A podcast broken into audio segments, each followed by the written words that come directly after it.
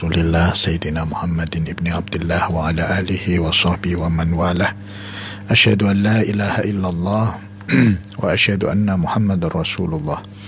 Rabbi syrah li sadri wa yassir li amri lisani yafqahu qawli. Amin. Amma ba'du. Para pendengar dan pemirsa rahimakumullah uh, Alhamdulillah pada siang hari ini, sore hari ini kita bisa uh, melanjutkan pengajian kita dalam kitab Bulughul Maram dalam uh, pasal uh, dalam bab yang menjelaskan tentang hal-hal yang membatalkan wudhu ya yeah. uh, salah satu pasalnya adalah uh, salah satu yang membatalkan wudhu yaitu menyentuh kemaluan. Nah di sini ada dua hadis yaitu hadis yang ke 67 dan 68 ya. Uh, Bismillahirrahmanirrahim. Wa antalkin ibni Adiyin radhiyallahu anhu qala qala rajulun massastu dzakari au qala ar-rajulu yamussu dzakaruhu fi sholati a'alaihi al-wudu'u faqala an-nabiy sallallahu alaihi wasallam La, innama huwa bad'atun minka. Akhrajahu al-khamsatu wa sahahahu Ibnu Hibban wa qala Ibnu al-Madini huwa ahsanu min hadithi Busrah. Dari Talak bin Ali radhiyallahu an beliau berkata seorang laki-laki berkata saya menyentuh kemaluan saya. Atau dia berkata, seorang laki-laki yang menyentuh kemaluannya pada waktu sholat, apakah dia wajib berwudu? Kemudian Rasulullah Sallallahu Alaihi Wasallam menjawab, lah tidak, karena dia hanya sepotong daging dari tubuhmu. Hadis ini diriwayatkan oleh lima imam uh, dan dinilai sahih oleh Ibnu Hibban lima imam di sini yaitu Imam Ahmad, Imam Abu Dawud, An-Nasai, At-Tirmidzi dan Ibnu Majah. Dan Ibnu Al-Madani mengatakan bahwa hadis ini lebih baik daripada hadisnya Busroh. Hmm. Uh, jadi kalau kita melihat hadis ini bahwa menyentuh kemaluan itu tidak membatalkan wudhu kan gitu. Iya. Maka hadis ini dipakai oleh sebagian kecil ulama seperti misalnya Imam Ibu ya Imam Abu Hanifah.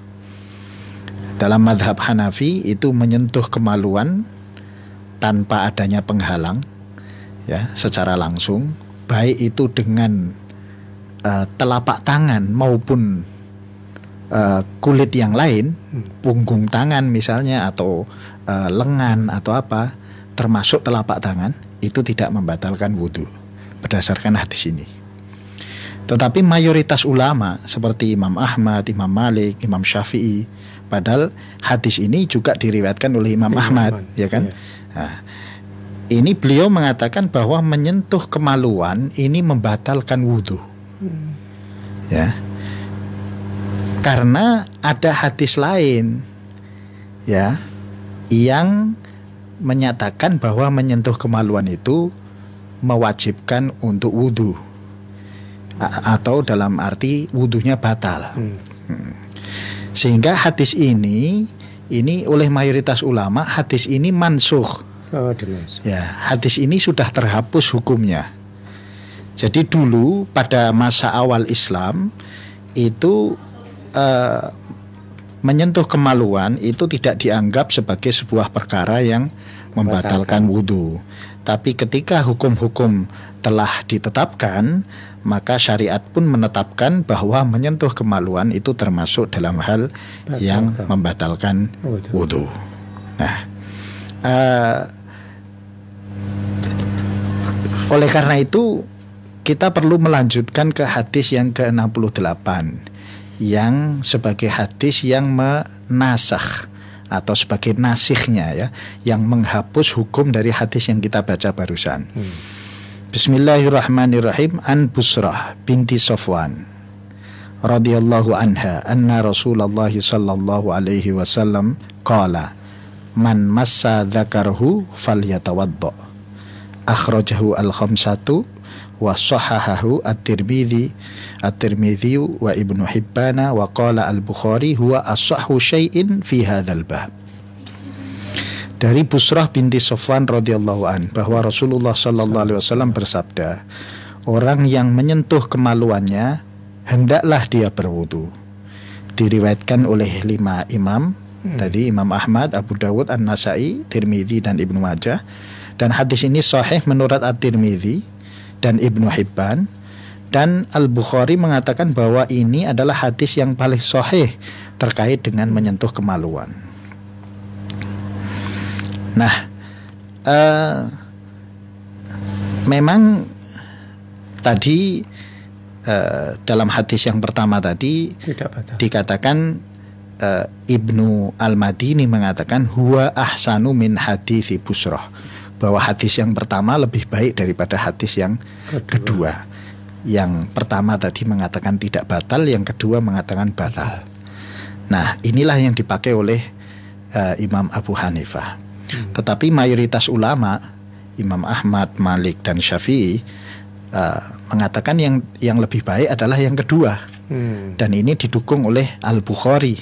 Ya, Imam Al Bukhari mengatakan bahwa hadis yang kedua itu adalah yang paling sahih terkait dengan uh, apa masalah menyentuh kemaluan itu. Nah, apalagi uh, apa hadis yang pertama itu lebih keluar lebih dulu hmm. dan yang hadis kedua dia keluar belakangan maka uh, dari sisi urutan ini saja sudah kelihatan mana yang dihapus dan mana yang menghapus. Tentu yang dihapus adalah yang pertama dan yang menghapus adalah yang kedua. kedua. Hmm. Maka uh, mayoritas ulama mengatakan bahwa menyentuh kemaluan itu termasuk dari hal yang membatalkan, membatalkan uh, wudhu. Nah, tetapi uh, ada perbedaan uh, pendapat terkait dengan yang disebut menyentuh itu apakah harus dengan telapak tangan ya atau juga termasuk dengan punggung tangan. Hmm. Jadi yang dimasuk telapak tangan itu mulai dari apa ini pergelangan, pergelangan. tangan berarti semuanya punggung dan dan telap, telapak epe-epe atau hanya epek-epek uh, saja. Berarti kalau tersentuh punggung tidak apa-apa kan gitu. Nah, uh, menurut uh, mayoritas ulama di sini yang membatalkan wudhu adalah ketika menyentuh dengan telapak tangan hmm. atau uh, dengan jari, ujung jari ya. Jadi telapak tangan ini mulai dari ujung jari sampai dengan batas pergelangan tangan yang bagian depan.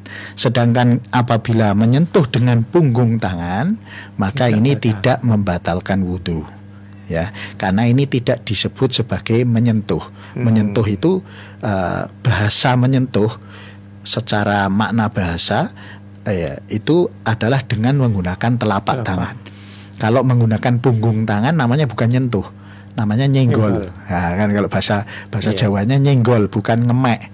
Kalau ngemek itu pakai pung pakai epe-epe. Tapi kalau pakai punggung tangan namanya nyenggol bukan ngemek kan gitu. Nah, iya. dalam bahasa Arab juga sama. Uh, mas ya. Uh, masas tuh tadi kan uh, ya.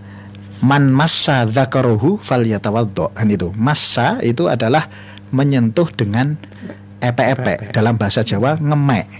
Tapi kalau uh, dengan punggung tangan ini namanya bukan mas, tapi lames. Ya. Aula mastumun nisa itu ya dalam Al-Qur'an. Ya, lames itu menyentuh dengan apa saja. Nah, kalau uh, menyentuh kalau lames berarti baik punggung maupun epe-epe. Tapi kalau mas ngemek itu berarti hanya epe-epe saja. Nah, ini uh, yang di apa yang disimpulkan oleh mayoritas ulama tiga madhab besar yaitu Imam Ahmad, Malik dan Syafi'i uh, mereka menyatakan bahwa hadis yang pertama itu dihapus hukumnya oleh hadis yang kedua, kedua. dan hadis yang kedua ini uh, apa lebih sahih daripada yang pertama. Kemudian juga bahwa uh, menyentuh kemaluan itu hikmahnya ya apa menghindari untuk menyentuh kemaluan itu hikmahnya adalah hati-hati dalam uh, urusan ibadah. Karena apa? Karena menyentuh kemaluan itu satu uh, bisa menimbulkan syahwat kan itu. Hmm. Nah, yang kedua bahwa kemaluan itu adalah salah satu tempat keluarnya najis kan itu. Maka uh, bisa ada kemungkinan terkena najis dan lain sebagainya. Maka uh, menghindarkan diri dari menyentuh kemaluan uh, di dalam uh, orang yang sudah berbudu itu termasuk bagian dalam ikhtiyat, bagian di dalam hati-hati di dalam uh, beragama kan itu. Karena uh, bahwa uh, aurat itu menimbul uh, apabila disentuh bisa menimbulkan syahwat dan aurat itu adalah tempat keluarnya oh, ya, najis. ya. Jadi itu hikmah-hikmahnya. Tetapi hmm. uh, secara alasan hukumnya tentu adalah karena adanya uh, perintah dari Rasulullah SAW yaitu fal yatawaddo maka berwudulah. Hmm. Dan ini tentu uh, menyentuh di sini adalah menyentuh langsung kulit dengan kulit. Tidak ada uh, penghalang kalau ada penghalang pakai kaos tangan atau uh, auratnya itu tertutup dengan kain dan lain sebagainya, maka itu uh, tidak membatalkan wudhu. Tetapi apabila itu langsung menyentuh kulit dengan kulit, inilah yang membatalkan wudhu. Yeah. Ya, ini maksud menyentuh ini dengan sengaja atau tidak sengaja apa sama? Uh, sama saja, sama baik saja. sengaja maupun tidak sengaja. Oh. Ya, baik sengaja maupun tidak sengaja ini uh, dimaknai dengan masa tadi ya, oh. menyentuh ya. Uh, sehingga uh, tidak sengaja pun ini juga membatalkan wudhu. Oh, iya. ya. Hmm. Tapi sebagian ulama juga harus tanpa efek-efek pun batal sih. Kalau kita memakainya yang hati-hati tetap hanya apa-apa saja gitu gimana iya uh, mayoritas ulama memaknai kata masa tadi ya. hanya epek-epek saja. Berarti kalau kesenggol punggung tangan itu tidak batal kan hmm. itu. Meskipun ada uh, sebagian kecil yang mengatakan uh, batal. apa batal juga. Hmm. Jadi ini sebenarnya yang mayoritas ulama kan berada di tengah-tengah ini. Cukup moderat kan. Hmm. Nah, kalau yang mengatakan bahwa seluruh telapak tangan ini membatalkan wudhu, ini kan terlalu uh, istilahnya uh, terlalu ke kanan ya, oh, batal kan itu. Oh. Kalau tadi yang Imam Abu Hanifah mengatakan tidak batal, ya. Jadi yang satu mengatakan uh, batal semua, hmm. epe-epe atau tidak, yang di sini mengatakan tidak batal semua. Hmm. Nah, yang tengah-tengah kan kalau pakai epek-epek batal, kalau punggung tidak, tidak batal. Nah, apalagi yang lain, misalnya hmm. siku, lengan jelas tidak membatalkan wudhu. Ya. Tapi kan ada hadis yang ber, sangat bertentangan. Artinya kita kan kalau maaf, kalau belum tahu, oh ini dimasuk indah itu gimana? Nah, makanya ini kita belajar dengan para ulama. Oh. Yang tahu duduk permasalahan dengan para ulama. Kalau kita hanya baca hadis saja ya yeah. bisa bisa tersesat kan itu. Hmm. Karena kita tidak uh, mengetahui uh, apa ilmu hadis kan itu dalam iya, arti iya. kita uh, tidak mengetahui status hadis ini bagaimana uh, soheh atau tidak, hmm. kemudian sudah dinasah atau tidak, lalu kaitannya dengan hadis yang lain bagaimana. Bahkan kalau sama-sama belum dinasah terus bertentangan, maka nanti kan ada uh, ta'arud kan. Nah, kalau ta'arud itu nanti Ta'arud itu kontra, kontradiksi ya, kontradiksi antara yeah. satu hadis dengan hadis lain. Maka kemudian uh, para ulama menetapkan kalau bisa diijma, bisa dikomplikasikan, maka di uh, gabung. Tapi hmm. kalau tidak bisa maka harus dipilih salah satu dan lain sebagainya. Hmm. Maka uh, bagi kita yang awam uh, wajib bagi kita untuk mengikuti para ulama karena para ulama lah yang punya perangkat untuk uh, yang punya ilmu kan gitu kan. Iya, iya, iya. Perangkatnya itu kan ilmu, ilmu hadis ya. Uh, ilmu hadis, ulumul hadis ini yang terkait dengan hadis Hmm. ini. Nah, maka sehingga kita tinggal tinggal mengikuti saja. Nah, untuk untuk uh, kesimpulan hukumnya kan begitu. Ya, artinya karena em, ini kan untuk khusus kemaluan apa saja. Artinya orang lain sama. Ah, hukumnya. sama, ya. Jadi eh, meskipun yang dicontohkan di sini ya adalah eh, menyentuh Mana sendiri. kemaluannya sendiri. Iya. Nah, apalagi orang lain, Oh, kan gitu. Nah, jadi itu min babil aula. Jadi lebih-lebih lagi eh, Hmm. terkait apa namanya? Terkait eh, auratnya orang lain. Orang lain. Nah, termasuk di sini ya, kalau kita buka lebih dalam ke kitab-kitab fikih, ya, termasuk auratnya binatang. Oh, Nah, jadi bukan sama. hanya manusia saja, tetapi termasuk binatang. Termasuk juga eh, misalnya alat kelamin yang sudah terpisah dari badan. Nah, jadi eh, ada alat kelamin yang mungkin terpisah dari badan. Nah, terus kita memegangnya, maka batal Batal juga wudhu. wudhunya. Nah, Jadi ini eh, apa pengembangan dari dari hadis ini Iya, iya. karena eh, kemaluannya sendiri saja batal apalagi, Apalagi- kemaluannya orang lain lah orang lain itu baik manusia maupun eh, Hewan. hewan Hmm. Nah, baik itu masih menempel maupun sudah eh, lepas. lepas dari badannya yang eh, apa namanya yang eh, hewannya itu misalnya Iya, masih iya. hidup dan lain sebagainya Hmm. ya Ya, ini sangat menarik yang tentang itu eh, kemaluan hewan nih. Ya, Artinya kan ini kan hewan itu kan kadang-kadang kita kan tidak tahu. Iya. Artinya, maaf, kucing lah.